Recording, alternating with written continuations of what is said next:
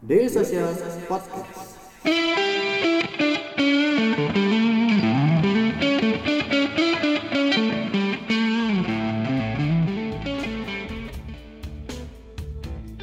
Selamat sore teman-teman dari Social Podcast. Ketemu lagi di ngobrolin sarapnya dari Social Podcast. Untuk episode kali ini di episode 47 ini kalau kemarin-kemarin kita ngobrolin bisnis, terus kemarin-kemarin juga kita baru aja ngobrolin tentang AI gitu. Nah, sekarang saya pengen bahasan yang berbeda. Hari ini saya sudah kedatangan Niko Oh, dari OmniVR. Oke, nah hari ini kita sudah kedatangan Mas Niko dari Omni VR. Tentunya kalau udah VR ya teman-teman udah tahu VR itu apa, virtual Reality. reality gitu. Nah, harus bisa bedain juga ya ini antara VR dan AR aug- augmented reality gitu. Nah, nanti kita bahas juga nih perbedaannya apa antara VR dan eh, AR. Nah, berhubung udah ada Mas Niko, kita langsung aja nih. Mas eh, tadi Mas Niko berbicara atau mengaku bahwasannya Mas Mas eh, Niko ini dari Omni VR nih, Mas. Yes, betul sekali. Omni VR itu apa sih, Mas? Eh, Oke, OmniVR itu adalah eh, company yang kami buat untuk mengumpulkan om-om Oke. yang punya ketertarikan khusus terhadap dunia virtual reality. Oke, oke. Oke, eh, kami mulai company-nya dari tahun 2015 Hmm, hmm. Eh, dan em, sampai saat ini kita eh, lumayan lah ya, berarti udah berapa tahun tuh 2015 sampai Udah- 2019 ya, udah empat tahun lah ya. Hmm. Nah, eh, jadi yang kami kerjakan mostly eh, fokusnya adalah di distribution, Oke. eh, yaitu gimana caranya supaya semua orang punya akses ke teknologi Mhm, VR. mhm. Jadi eh, harapan kami adalah ya eh, siapa pun di ujung di ujung bagian mana pun dari Hmm. Indonesia misalnya Hmm, bisa punya akses yang sama seperti eh, semua teman-teman misalnya Oke. yang sudah lebih dahulu punya akses ke teknologi VR. Oke. Nah, yang ingin saya tanyakan lagi dari sekian banyak core bisnis gitu, terus tadi juga kalau nggak salah eh, Mas Niko berbicara sebelum di VR, Mas Niko itu bergelut di bidang Advertising. advertising yang lain gitu ya, bukan bahkan mungkin boleh dibilang jauh dari dunia VR gitu ya Mas ya. Jauh banget sih sebenarnya enggak. Oke. Tapi berbeda apa ya? Berbeda Segmen ya? fokus. Oke, berbeda fokus. ya. Nah, kenapa harus VR sih, Mas? Ada apa di VR dan bisnis eh, peluang bisnis apa yang saat itu eh, Mas Niko lihat dan membuat Mas Niko yakin oke ini bisnis yang bakal gua ambil. Short eh, short answer-nya adalah karena bosan aja. Oke. dari 2006 kerjaannya ngurusin klien terus Oke. eh, apa eh, bikin produk dan lain Mhm. sebagainya Mhm. kita ini jadi tujuannya kami bikin eh, VR company adalah karena tadinya Mhm. eh, se- eh, harapan kami harapan saya adalah vi- eh, di Omni VR itu kita bisa menjadi teknologi driven company Oke. uh, tech driven company. Jadi Mhm. kita ngebikin sebuah teknologi Hmm. yang kemudian teknologi itu yang akan kita kembangkan entah menjadi apa pun itu ke depannya. Oke. Tapi pada pada akhirnya Hmm. uh, karena VR itu sendiri bahkan di dunia juga masih belum terlalu matang, Hmm. yang kami lakukan ujung-ujungnya uh, malah beralih ke consumer driven innovation. Oke. Jadi tadinya kita kita mau misalnya, oh oke, bulan ini kita bikin ini, bulan depan kita bikin itu, Hmm, bulan hmm, depannya lagi kita bikin ini. Hmm. Akhirnya kita berpikir eh, kita beralih ke, oke bulan ini customer butuh apa, Oke. bulan depan customer yang lain butuh apa. Gimana Hmm, hmm, caranya mereka yang tadinya nggak punya akses ke teknologi ini, Hmm. jadi bisa punya akses ke teknologi ini. Oke. Nah, kalau begitu berarti men- eh, Mas Niko sudah melihat bahwasanya banyak hal yang bisa dieksplor dari VR ya, Mas ya? Banyak banget sebenarnya. Banyak banget. Oke. Banyak banget. Berapa banyak sih mas aspek yang bisa dieksplor dari VR selain selain gaming nih? Karena orang-orang kan berpikir saat ini VR itu gaming gitu. Oke. Wah, gua harus jawab berapa ya? Em, Yang saat ini sudah Ada dilakukan oleh Omni VR saja lah. oh, Oke, sebenarnya kalau kami sebagai distribution, content distribution, Hmm. kalau yang kami lakukan se- sejauh ini sih kita kita nggak pilih-pilih sih. Oke. You know, being in VR AR industry kita nggak bisa picky sih untuk Oke. saat ini. Nggak bisa pilih-pilih. Ah, gue cuma Mhm. mau ini aja, gue cuma mau Mhm. itu aja. Kami pun eh, mengklaim bahwa OmniVR itu jadi distribution company bukan berarti kami tidak meng- tidak membuat konten sama sekali. Hmm. Ya kita mau distribusin apa kalau misalnya nggak ada Oke, yang bikin iya, kontennya iya. kan? Iya, iya, betul. Kalau mengenai sektor kalau em, yang sudah kami masuki memang lebih banyak di entertainment. Entertainment, oke. Eh, di luar itu ada banyak banget sih. Mau ngomong apa? Real estate. Hmm. Kita mau ngomong soal em, marketing, advertising industry, eh, creative industry, art, Hmm. em, wellness, Mhm. sport, eh, arsitektural tadi udah ya. Oke. Em, kemudian apa lagi ya? Banyak banget sih eh, field-field yang eh, saya tadinya nggak nyadar itu butuh eh, butuh VR, ternyata jadi butuh. Oke. Contohnya Hmm. waste management. Hmm. Jadi kalau misalnya kita mau ngajarin orang untuk memilah-milah sampah, Hmm. eh, saat ini tuh susah Oke. karena harus bawa orangnya ya, untuk ke tempat pembuangan sampah misalnya. ya betul. Terus ditunjukin ini loh sampah organik, ini Hmm, anorganik, hmm, ini hmm, segala macam. Kebanyakan orang udah resisten duluan, aduh sampah, aduh Ya. gitu kan. Tapi dengan VR misalnya kita bisa buat experience di mana ya udah eh, secara visual dan Hmm. audio kalian tahu ini sampahnya bentuknya seperti ini. Hmm. Eh, ini yang dikategorikan sebagai organik, ini dikategorikan sebagai anorganik dan Oke. kalian harus bisa memisahkan ini supaya apa? Supaya lu lolos jadi OB Oke. misalkan. Hmm, hmm, hmm. Atau lu lolos untuk bekerja di McDonald's Hmm. atau di KFC. So nah, itu field yang menurut saya paling basah untuk Oke. saat ini adalah Oke. training. Oke, untuk training di dunia kerja kah atau Jadi VR itu saya saya rasa paling besar un- di- bisa digunakan untuk memecahkan empat masalah. oke? Inisa- inisialnya adalah DICE, dadu, DICE, D I C E. oke. Yang pertama adalah dangerous. Hmm. Jadi VR itu bisa digunakan untuk mensimulasikan hal-hal yang tadinya berbahaya Hmm. jadi zero uh, risk. Oke. Ya almost zero lah. Ya. Contohnya kayak misalnya kita mau ngetrain orang gimana supaya survive dari kebakaran. Oke. Kalau sebelumnya gimana coba ngajarin orang? Masa harus ngebakar rumah dulu? Kalau dengan Ya. VR kita bisa menempatkan Hmm, orang hmm, hmm. persis di tengah Persis, kebakaran ya. tanpa danger sama Oke. sekali dan dia bisa merasakan experience sama. Hmm. Contohnya kayak gitu. Oke. Atau misalnya ngajarin orang tentang eh, tega- eh, instalasi tegangan listrik tegangan tinggi. Oke. Itu dangerous. Hmm. Yang kedua I itu impossible. Impossible. Impossible oke. itu sesuatu yang tadinya tidak memungkinkan untuk dilakukan, Hmm. akhirnya jadi bisa. Contohnya apa? Kita mengecilkan badan kita, Hmm. terus kita masuk ke tubuh, ke arteri Oke. orang untuk kita mempelajari oh arterinya tubuh orang tuh kayak gini. Hmm, oke. Atau sebaliknya kita jadi en, eh, giant gitu. Oke. Misalnya kita mau ngomongin tata kota, Hmm. saya bisa jadi setinggi Monas, Hmm. saya bisa susun-susun kembali misalnya. Oh sebaiknya ini kotanya bentuknya kayak Oke. gini. That's impossible kan Ya, dilakukan di dunia nyata, ya. tapi kita bisa. Oke. Ketiga itu counterproductive, C. Oke. Yang tadinya misalnya harus eh, keluar apa ya? eh, saya kita harus ketemu misalnya di satu tempat Mhm. untuk saya training eh, kamu, Hmm.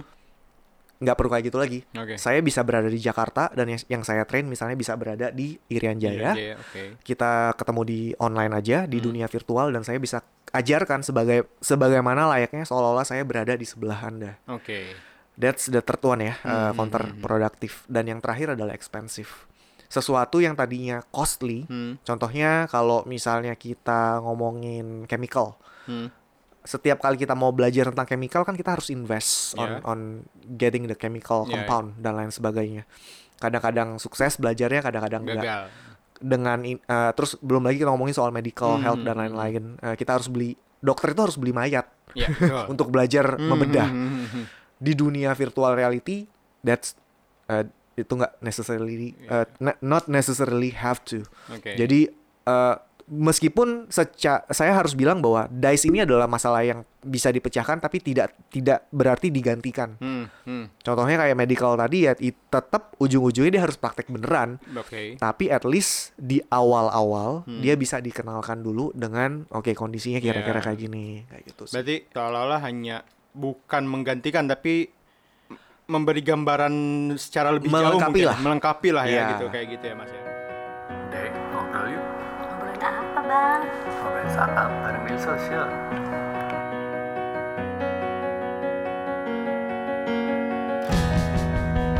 Daily Social Podcast. Berarti kalau gitu tadi ada DICE itu ya, D I C E itu. Hmm. Nah, berangkat berangkat dari situ menurut Mas nih yang sekarang dari 2015 sampai 2019 sudah berkecimpung di dunia VR gitu. Menurut Mas industri mana sih yang paling gampang atau akan cepat beradaptasi dan berkembang dengan adanya VR? Wah, kalau gua tahu udah kaya raya banget.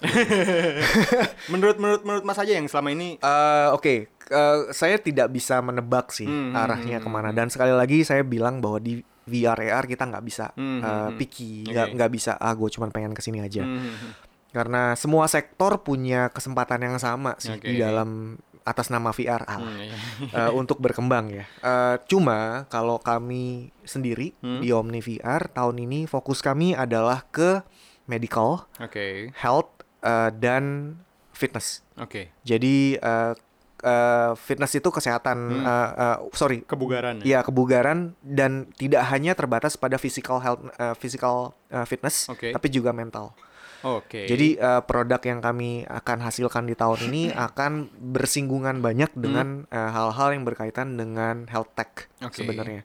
Jadi contohnya kita melakukan training untuk eh, para perawat misalnya. Hmm, hmm. Karena saya juga baru tahu bahwa ternyata di Indonesia itu sangat kekurangan perawat. Oke. Perawat di Indonesia itu ternyata jumlahnya cuma 118 ribu bahkan 100 120 ribu aja nggak nyampe se Indonesia oke. kita punya 270 juta penduduk Oke. jadi oke. satu orang Mhm. 10 to how berapa tuh 2000, 2000 lebih, lebih, ya. ya eh, eh, orang Hmm. jadi itu nggak masuk akal kan kita kurang oke. banget di situ Hmm. karena apa Eh, pendidikan dan lain sebagainya replikasi eh, ilmu Hmm. untuk nurse itu bisa di- eh, terjadi cuma secara eh, teoritis Iya, teoritis. prakteknya susah Susah. Oke. Nah, VR bisa membantu ke arah situ. Terus eh, olahraga, Hmm. eh, fisioterapi, orang-orang yang setelah habis kayak kecelakaan dan lain Hmm. sebagainya. Saya datang ke rumah sakit dan saya kesian banget tuh ngelihat orang-orang kayak madsu banget kayak Iya. apa eh, cycling sepeda Oke. gitu aduh bosen ah. banget. Coba kalau misalnya tuh kita kita combine dengan VR, jadi Oke. dia seolah-olah ngerasain kayak dia lagi jalan-jalan Hmm, ke mana, hmm. padahal sebenarnya tujuannya adalah untuk Untuk menyembuhkan ya. Itu bisa banget. Oke. Terus kita juga ke ke health, ke ke physical dan uh, uh, mental health juga Hmm. itu VR buat saya adalah ranah yang sangat menarik untuk Oke. kita gunakan ke titik itu. Oke, Di berarti luar pun udah banyak banget Hmm, tadi berarti ba apa ya? Hampir semua lini bisnis itu bisa dimasuki oleh VR ya, Mas ya? Em, selama dia uh, bisa dimasuki oleh VR dalam bentuk simulasi. Oke, dalam bentuk Sekali lagi simulasi ya. tidak menggantikan, mereplikasi tapi, ah, ah, tapi uh, mensim- men- me- mensimulasikan aja Ah, gitu. Oke.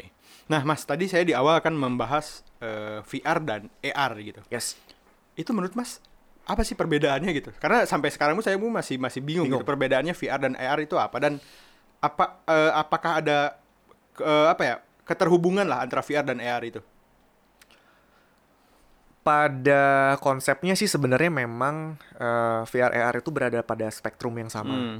Eh, sama-sama berkaitan dengan fake reality lah Oke, istilahnya. fake Eh, reality. palsu gitu ya. Hmm. Bedanya kalau mau diba- dibahasakan dengan sederhana sebenarnya gini. Untuk VR Hmm. itu kita kayak ngayal.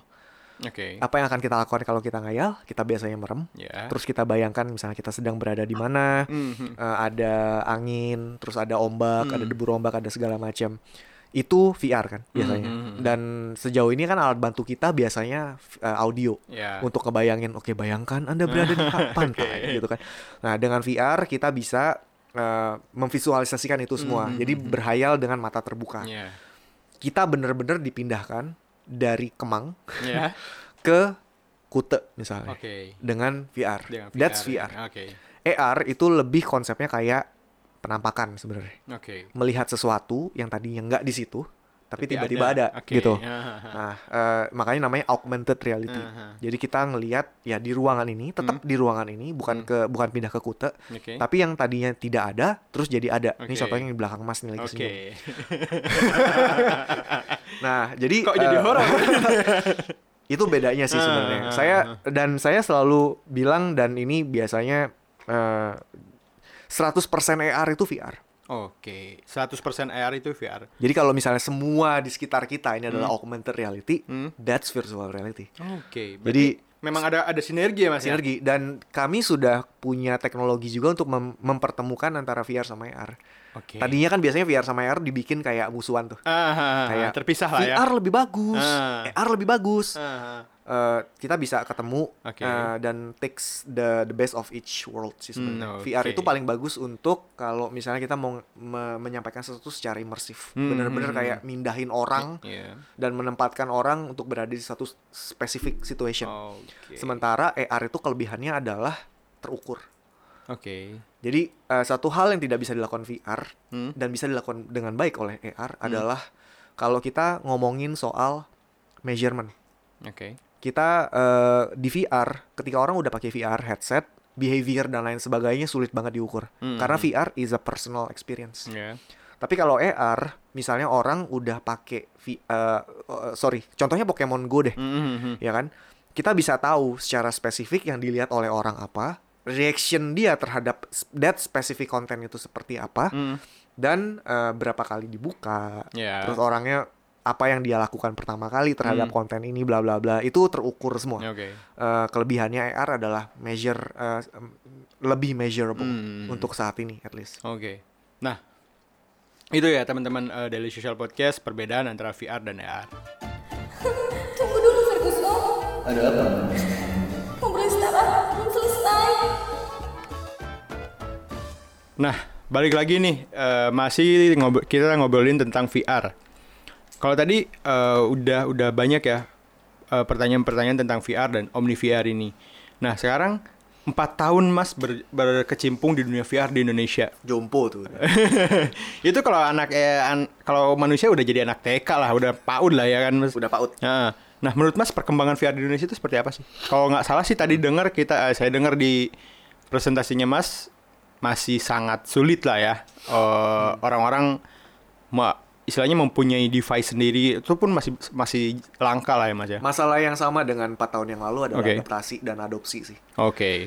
Eh, saya bisa bilang bahwa itu masalah yang tidak hanya dihadapi oleh Indonesia sebenarnya. Oke. Eh, kita sebenarnya punya advantage. Hmm.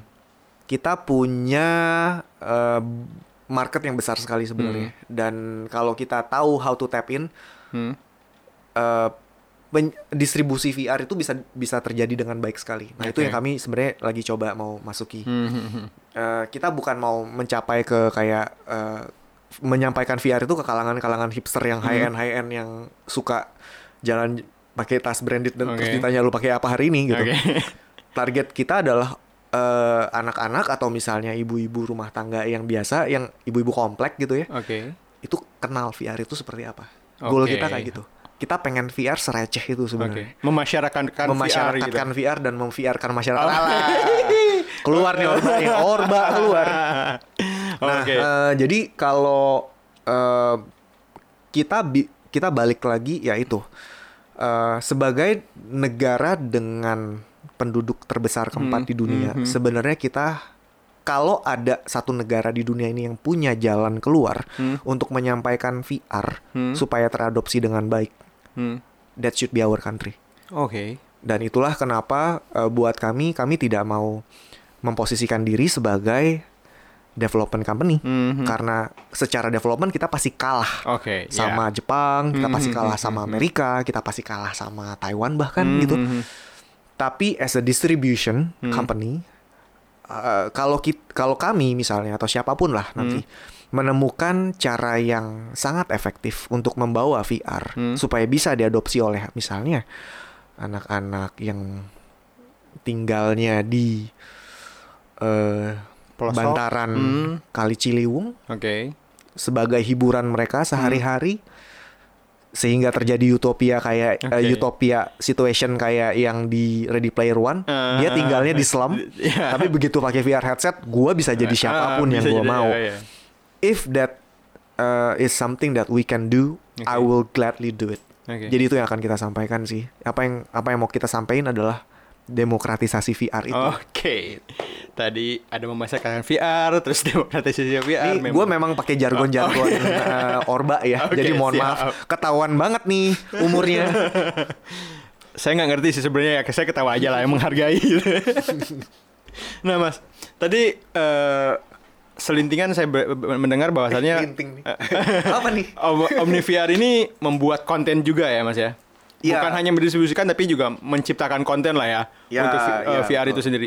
Nah, saya nggak akan nanya eh, Omni VR bikin konten apa, tapi saya ingin nanya selama ini empat tahun ini problem apa sih yang dihadapi oleh Omni VR dalam membuat konten di Indonesia? Talent. Talent. Oke. Em, setidaknya kalau kalau kita mau cari VR developer untuk Hmm. saat ini, eh, mau nggak mau yang kita best chance yang bisa Hmm. kita dapatkan adalah eh, kita cuma dapat eh, Unity developer. Oke. Dari situ dia masih harus ngulik lagi, dia masih harus oprek lagi. Hmm. Saya tahu jelas masalahnya ada di mana. Hmm, hmm. Dia seseorang tidak akan bisa jadi VR developer kalau Hmm. tidak punya VR device. Oke. Sementara untuk punya VR device itu rumit minta Ya, ampun. benar. Ya kan? Iya, betul. Jadi ya eh, masalah talent ini balik lagi masalahnya Hmm. adalah distribusi. Ya.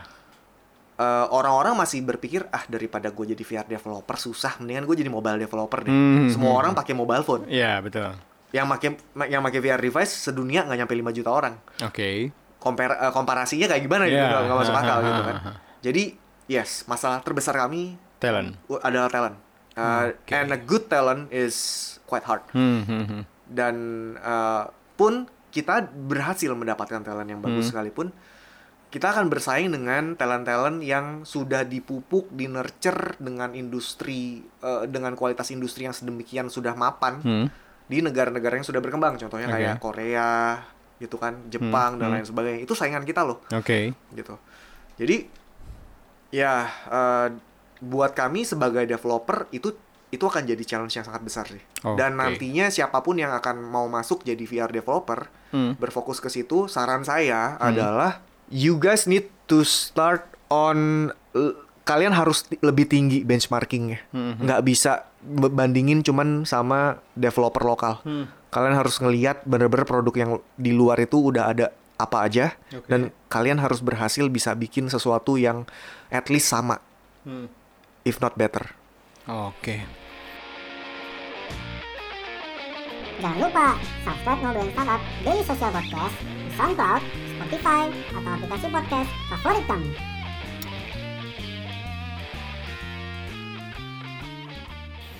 Nah, karena waktu juga Mas udah agak lama ternyata kita obrolannya ya. Jam tiga subuh nih. udah udah agak lama. Terakhir aja mungkin Mas pertanyaan terakhir. Sudah menikah. Oh, bukan Ya, itu ya, bukan, bukan. belum. Karena eh, pada nyatanya hari ini ya tadi juga Mas Niko bilang bahwasannya di, di di semua di, di, di apa ya di seluruh dunia ini hanya VR itu tidak lebih dari 5 juta. Peng- eh, Penggunanya? Tidak tidak lebih dari 5 juta device yang terjual. tidak lebih dari 5 juta device yang terjual. Hmm. Yang akan saya pertanyakan adalah apakah teknologi VR ini akan menjadi mainstream di masa depan atau masih akan tetap menjadi Niche. Niche, tren niche gitu? Gue karena berada di industri ini, gue Hmm. harus jawabnya gue pede Oke. bahwa dia akan jadi mainstream. Ah, oke, oke. Tapi realistically, Hmm. gini, gue masih melihat bahwa VR itu berada di fase Ingat gak ada trio smartphone yang dulu menamakan dirinya smartphone, Hmm. tapi akhirnya sekarang nggak jadi apa-apa. Oke. Nokia Communicator, Yeah. HP iPad, sama Hmm. BlackBerry. Ya. That's the definition of black uh, smartphone di awal-awal betul nggak? Mhm, mhm, Tapi akhirnya apa? Akhirnya jadi uh, touch phone yang yang jadi pemimpinnya. Berjaya. ya. Mulai dari iPhone, Android phone dan lain Hmm. sebagainya. Gue merasa VR itu berada di tahap uh, yaitu Nokia Communicator Oke. sebelumnya ini. Hmm. Jadi kita uh, kita sudah orang-orang udah mulai tahu bahwa oh keren nih, wah bagus nih. Hmm. Mau beli nggak? Enggak. Masih di titik itu. Oke. Tapi eh, dengan perkembangan iteration yang nantinya step by step akan terjadi, Hmm.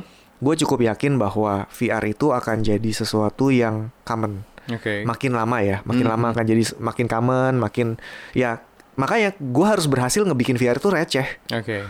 gitu. Eh, dan kebetulan sekarang sudah mulai ada yang namanya Oculus Quest. Hmm. Gue berharap banyak dengan device ini. Hmm. Harapannya adalah eh, Oculus Quest itu bisa jadi kayak iPhone 1 Oke. Dia yang akan membuka jalan buat mobile phone apa eh, VR device VR VR device lain berikutnya. untuk bersaing di ranah yang sama Oke. karena this is the right the right uh, VR device that we need Oke. this is what we need this is what we want and this is what we need Oke. gitu Berarti Mas Niko yakin bahwasannya nanti VR ini akan menjadi mainstream. Gua berharap, Berharap, bahwa oke. VR itu akan jadi mainstream karena eh, kami sebagai distributor akan sangat happy. Oke. Tapi uh, well uh, realistically uh, looking akhirnya Hmm. Oculus Quest kan jadi VR device pertama yang penjualannya Hmm. sesuai dengan target Oke. dari Facebook. Oke. Setelah sekian lama. Setelah sekian lama. Oke. Jadi, Eh, kayaknya chance-nya mulai ada deh kalau Mulai- mulai- Kalau lu tanya ya? gua iya kalau lu tanya gua akhir 2018 kemarin atau pertengahan tahun 2018 kemarin nada omongan gua mungkin akan lebih Gamang. lebih ya lebih ya we'll see lah gitu. Tapi kalau. Hmm. sekarang gua akan eh, dengan cukup pede bilang kalau eh, Oculus berhasil maintain Hmm. eh, their way dan kayak produsen produsen-produsen Cina nih Hmm, mulai ngelihat oh ini kayaknya chance eh, chance-nya bagus nih kita bisa masuk ke sini nih. Mulai muncul tuh duplikat-duplikatnya Oke. Dan sehingga itu bisa uh, penetrasi ke market dengan baik. Menurut gua VR itu cuman masalah uh, waktu. Waktu. Ya. Oke, gitu mungkin teman-teman. Eh, obrolan kita tentang VR dan sayangnya masih banyak sih yang ingin saya tanyakan di sini masih ada sekitar 30. Cuman karena waktunya terbatas, Mas Umur Ni- kita juga terbatas. umur kita juga terbatas dan Mas Niko juga mempunyai kesibukan yang lain gitu ya. Karena pada nyatanya eh, Mas Niko seperti biasa datang ke sini untuk momen mengisi di Selasa Startup. Kalian semua tidak dapat, tidak datang. Mengapa? Kayak Ya, gitu. oke. Jadi eh, harus kita sudahi saja eh, obrolan kita tentang VR ini. Mungkin lain waktu kalau kita ada waktu lagi kita ngobrol ya Mas. Hmm. Mungkin setelah VR nanti sudah bermasyarakat dan sudah terdemokratisasi gitu kan. Kayak gitu. Membiarkan masyarakat masyarakat kan VR. Oke. Kayak gitu aja mungkin teman-teman. Persatuan. Terima kasih udah ngedengerin Daily Social Podcast dan udah ngedengerin ngobrolin startup. Jangan lupa uh, di follow uh, ngobrolin startup di Spotify, SoundCloud dan uh, aplikasi uh, podcast kesayangan kamu. Sampai jumpa dan selamat sore. Terima kasih.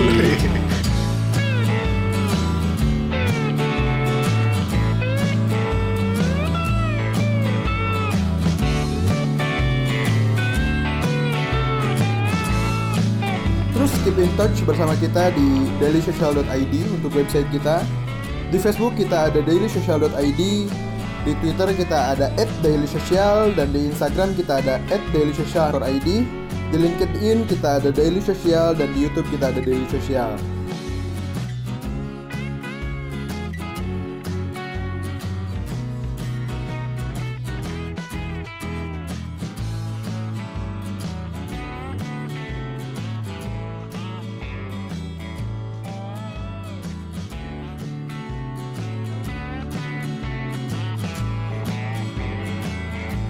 Daily Social.